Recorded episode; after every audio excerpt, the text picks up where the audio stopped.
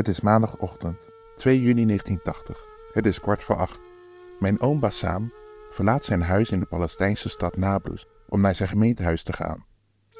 Op het moment dat hij zijn auto start en de koppeling indrukt, ontploft een bom. Op de westelijke Jordaanoever die door Israël bezet wordt gehouden... raakt de Arabische burgemeester van Nablus beide benen kwijt als gevolg van een aanslag. Een ambtgenoot van hem wordt ook zwaar gewond. Ik was zes jaar toen ik dit nieuws over mijn oom hoorde. Thuis in Vlaardingen zagen we mijn oom op het journaal. Hij was zijn beide benen kwijtgeraakt en zei: Ze hebben mijn benen van me afgenomen, maar dit betekent alleen dat ik dichter bij mijn land ben. The most prominent Palestinian opponent of Israel's occupation has been the mayor of Nablus. Volgens de burgemeesters zit de Israëlische geheime dienst achter de aanslag. when they failed to deport him, and now once more they failed to eliminate him. Ik ben Arjen Facet. In de podcastserie Niet iedereen kan stenen gooien neem ik je mee op mijn zoektocht naar de bewogen geschiedenis van mijn familie in Palestina. In deze aflevering gaan we terug naar het voorjaar van 1976. Nederland was in de ban van de Lockheed-affaire en in Den Haag vond het Eurovisie Songfestival plaats. Dames en heren, goedenavond. Vanavond hier in Den Haag strijden 18 landen om de grote prijs van het Eurovisie Songfestival 1976.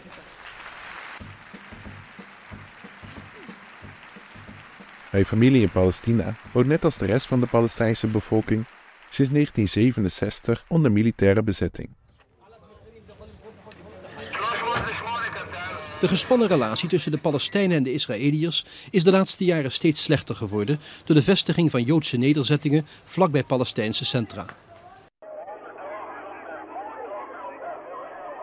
Israël heeft in rap tempo nieuwe nederzettingen gebouwd en Palestijnen protesteren tegen de onteigening van hun land. Ook zijn er lokale verkiezingen aangekondigd. Mijn oom heeft zich kandidaat gesteld. Hij is onderdeel van een nieuwe generatie onafhankelijke leiders die voor het eerst hun steun uitspreken voor de PLO, de Palestijnse bevrijdingsorganisatie in ballingschap. De meeste Palestijnen durfden nog niet openlijk hun steun te betuigen. So you cannot say to me whether you support the PLO or not, because you're, you're frightened to. Yes. Bassam vertelde me ooit dat hij politiek actief was omdat zijn familie land- en sinaasappelgaarden had verloren in wat Israël werd. Hij ging toen hij jong was vaak met zijn vader mee langs de boeren en had gehoopt dat later ook te kunnen doen. Israël had gehoopt dat bij de verkiezingen Palestijnen zouden kiezen voor traditionele leiders die makkelijk zouden meewerken met de bezetting. De uitslag was anders. Verkiezingen op de westelijke Jordaanover werden met grote meerderheid gewonnen door aanhangers van de PLO. De gematigde bestuurders die tegen Jordanië aanleunden verdwenen van het terrein.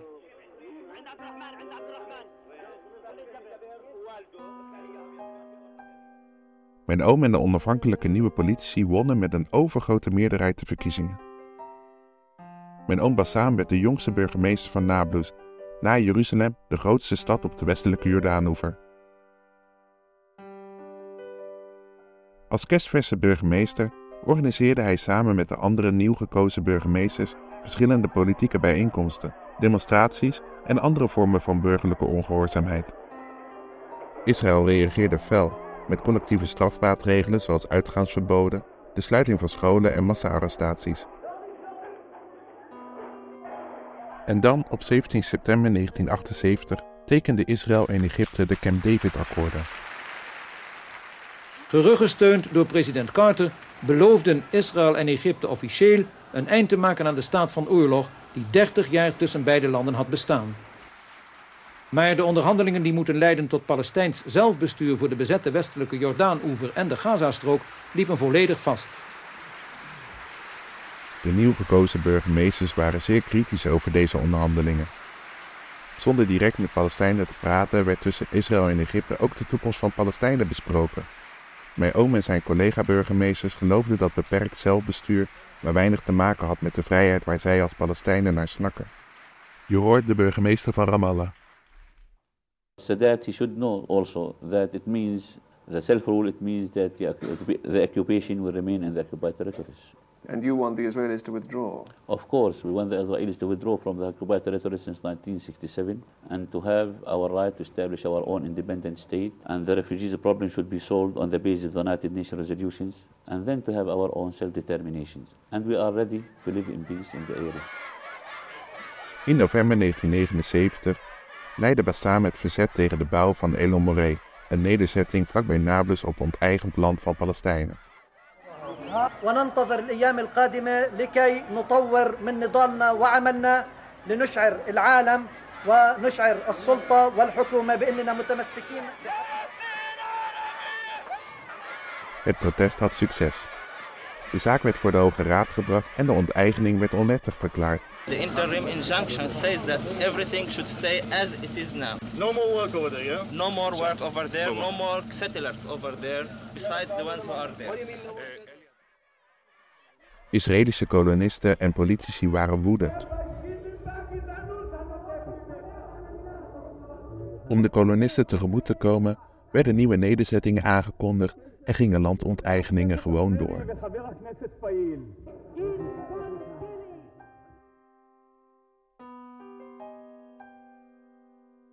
De gekozen Palestijnse burgemeesters waren een doorn in het oog van de Israëlische regering en de kolonisten.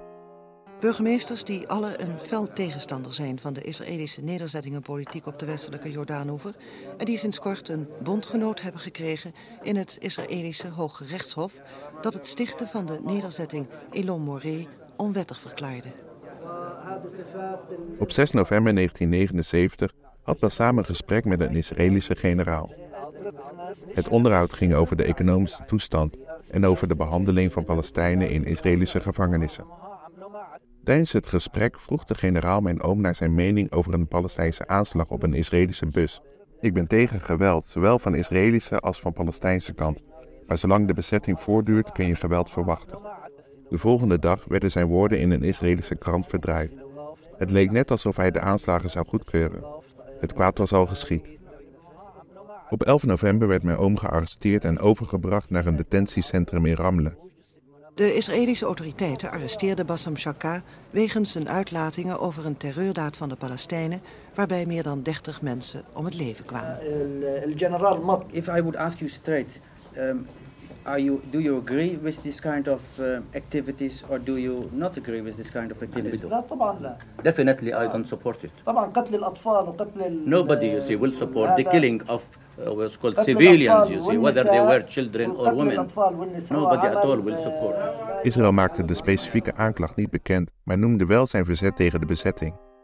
The Israeli government has reaffirmed its decision to deport the Arab mayor of Nablus in the occupied West Bank.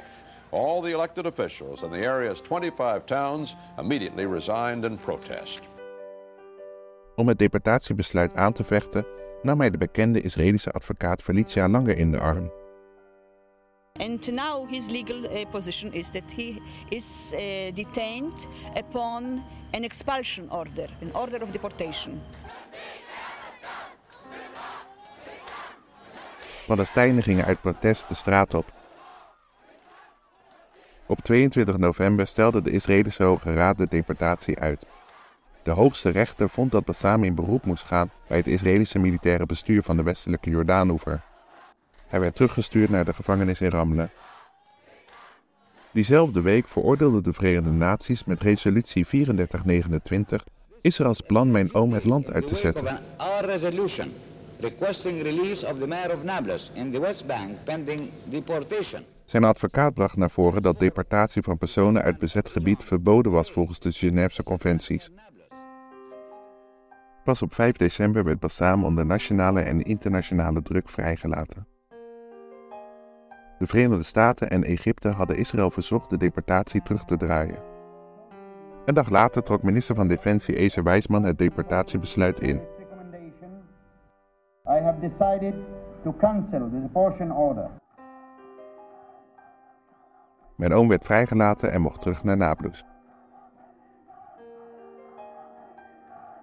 Het verdraaien van mijn woorden en alle maatregelen die ze tegen mij hebben genomen zijn onrechtvaardig, zei Bassam bij aankomst in de stad. Duizenden inwoners van Nablus begroetten de vrijgelaten burgemeester. Bij de ingang van de stad werd hij op de schouders gehesen. De burgemeesters die hun werk hadden neergelegd, namen hun functies weer op, maar de Israëlische autoriteiten en het leger probeerden hun functioneren onmogelijk te maken.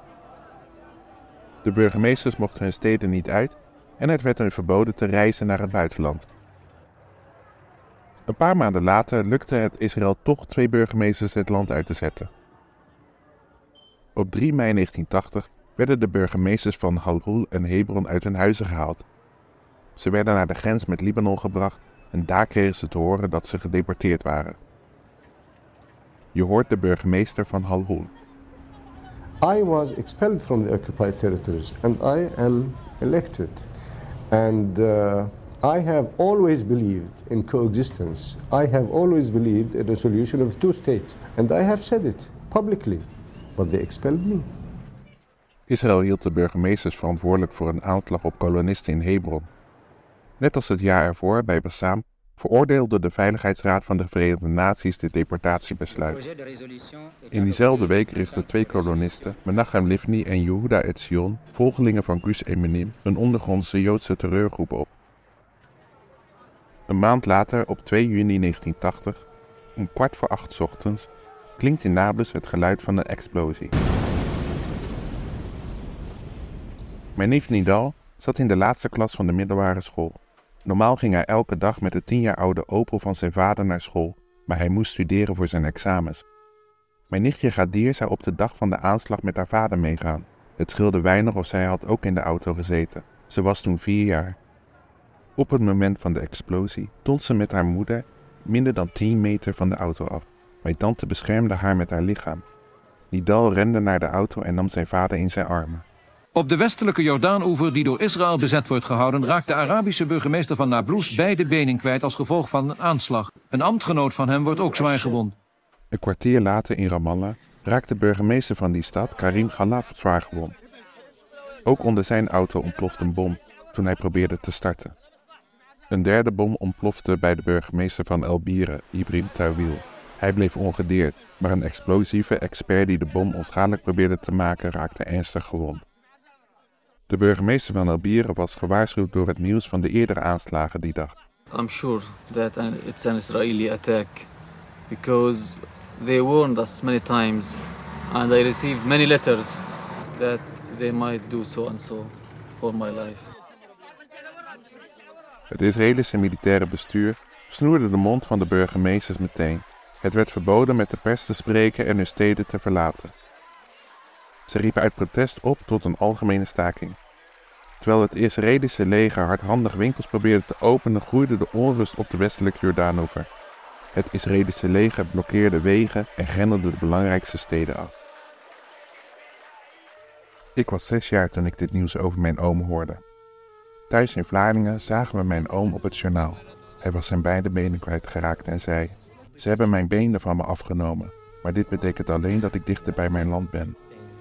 الحكومة السلطة العسكرية والمخابرات الإسرائيلية هي المعنية في مثل هذه الأعمال. Volgens de burgemeesters zit de Israëlische geheime dienst achter de aanslag.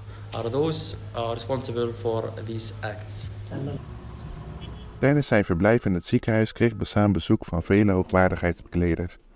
When they failed to deport him, and now once more they failed to eliminate him. Een maand later keerde Bassam terug naar Nablus. Op uitnodiging van de Franse president Giscard d'Estaing ging Bassam in augustus naar Parijs voor een medisch onderzoek. Na zijn verblijf in Parijs reisde hij door naar Londen, waar hem kunstbenen werd aangemeten.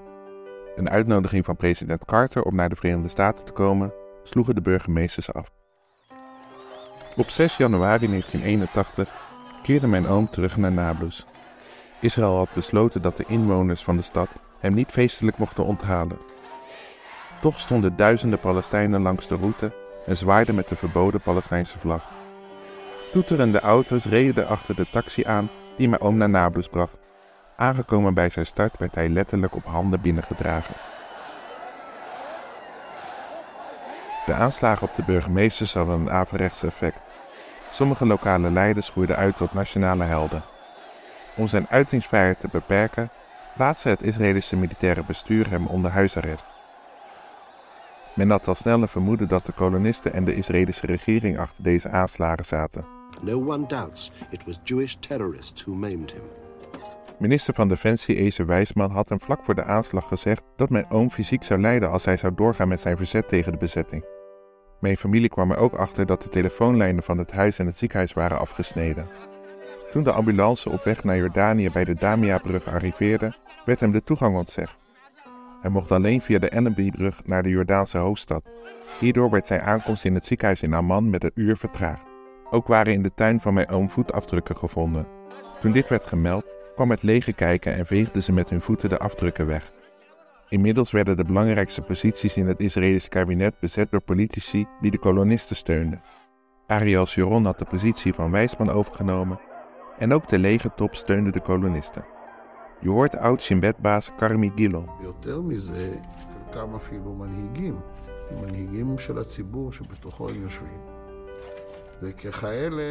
In de documentaire The Gatekeepers uit 2012 bevestigt Gilon de verwevenheid tussen de regering en de kolonisten.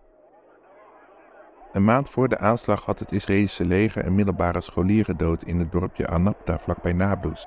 Mustafi Shalom, de Israëlische militaire gouverneur, had tegen de vader van de scholier gezegd dat hij liever had gezien dat de zoon van mijn oom en de zoon van Hilmi Hanoun, de burgemeester van Tulkarm, waren doodgeschoten. Dezelfde gouverneur probeerde de dag na de aanslag een bezoek te brengen aan mijn familie. Hij werd niet binnengelaten. Wanneer er in een Palestijnse stad een explosie te horen is, komen de soldaten er altijd meteen op af. Nadat de bom in de auto van mijn oom was ontploft, kwamen ze niet. Het hoofd van de Israëlische veiligheidsdienst had zijn ontslag ingediend, omdat de regering Begin het onderzoek naar de bomaanslagen had gestaakt. In november van 1981 zou Bassam op uitnodiging van politieke partijen een bezoek brengen aan Nederland. Israël weigerde hem een uitreisvisum te verstrekken. In antwoord op vragen van PvdA-kamerlid Klaas de Vries en VVD-kamerlid Frits Bolkestein bevestigde de toenmalige minister van Buitenlandse Zaken Max van der Stoel dat Israël te kennen had gegeven dat zij gezien zijn politieke activiteiten het geven van een uitreisvisum aan de burgemeester van Nablus niet opportun achtte. Ze bedoelde dat Bassam de bezetting meerdere malen had bekritiseerd in het buitenland. Hij mocht onder geen beding Nablus verlaten. Toen het huisarrest was opgeheven, liep Bassam dagelijks met zijn kunstbenen naar het gemeentehuis. Overal waar hij ging reed een Israëlische legerjeep met vijf soldaten achter hem aan.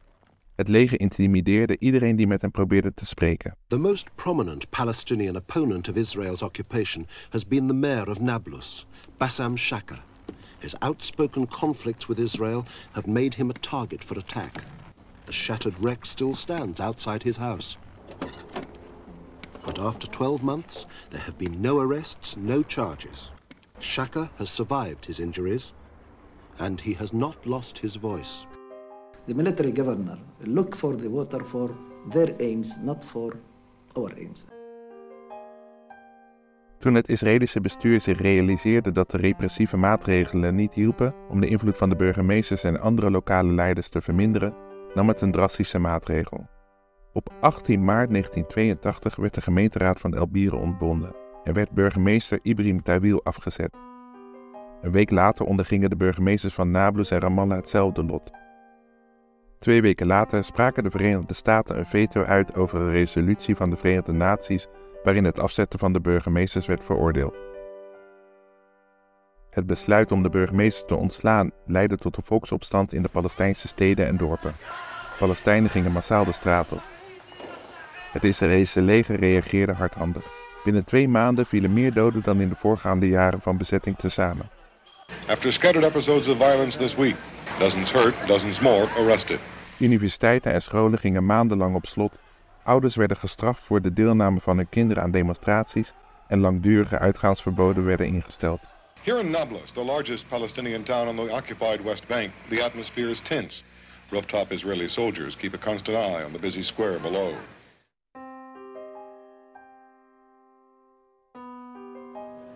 Vier jaar na de aanslagen in juni 1984 werden 27 Israëli's opgepakt en in staat van beschuldiging gesteld. De groep werd met de hulp van de Israëlische regering alweer snel vrijgelaten. Je hoort nogmaals voormalig geheime dienstbaas Karmi Gilon.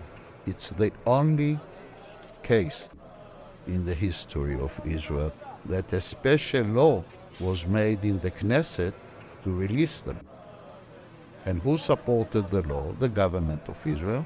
Even a very well-known liberal person like Dan Meridor. De groep die verantwoordelijk was voor de aanslagen waren niet alleen toen al verweven met het regime, maar bestond ook uit latere leden van het Israëlische parlement, regeringsadviseurs en invloedrijke personen in de radicale kolonistenbeweging. Een documentaire van de Israëlische filmmaker Shai Gal laat dat duidelijk zien. Een van de daders van de bomaanslag op mijn oom was zelfs politiek adviseur van een recente premier van Israël, Naftali Bennett.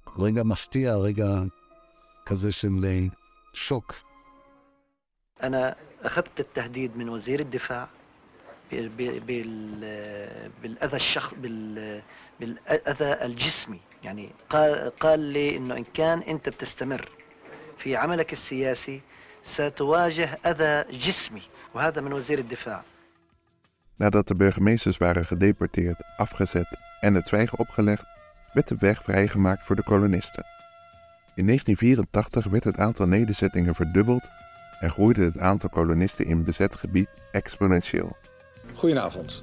De Palestijnse opstand is compleet. Werkelijk overal in de bezette gebieden komt het nu tot botsingen tussen het Israëlische leger en de Palestijnse bevolking. Op 9 december 1987 botste een vrachtwagen van het Israëlische leger op een Palestijnse personenauto. Vier inzittenden kwamen daarbij om het leven. Dit ongeluk en het protest wat daarop volgde was de vonk voor een volksopstand, de Intifada. Daarover hoor je in de volgende aflevering van Niet Iedereen kan stenen gooien. Deze podcast is net als het gelijknamige boek gemaakt door Arjen Facet. Wil je eerdere afleveringen horen? Abonneer je dan nu op deze podcast en alle afleveringen staan dan direct voor je klaar. Wil je meer weten over mijn Palestijnse zoektocht? Kijk dan in de show notes of op de website nietiedereenkanstenengooien.nl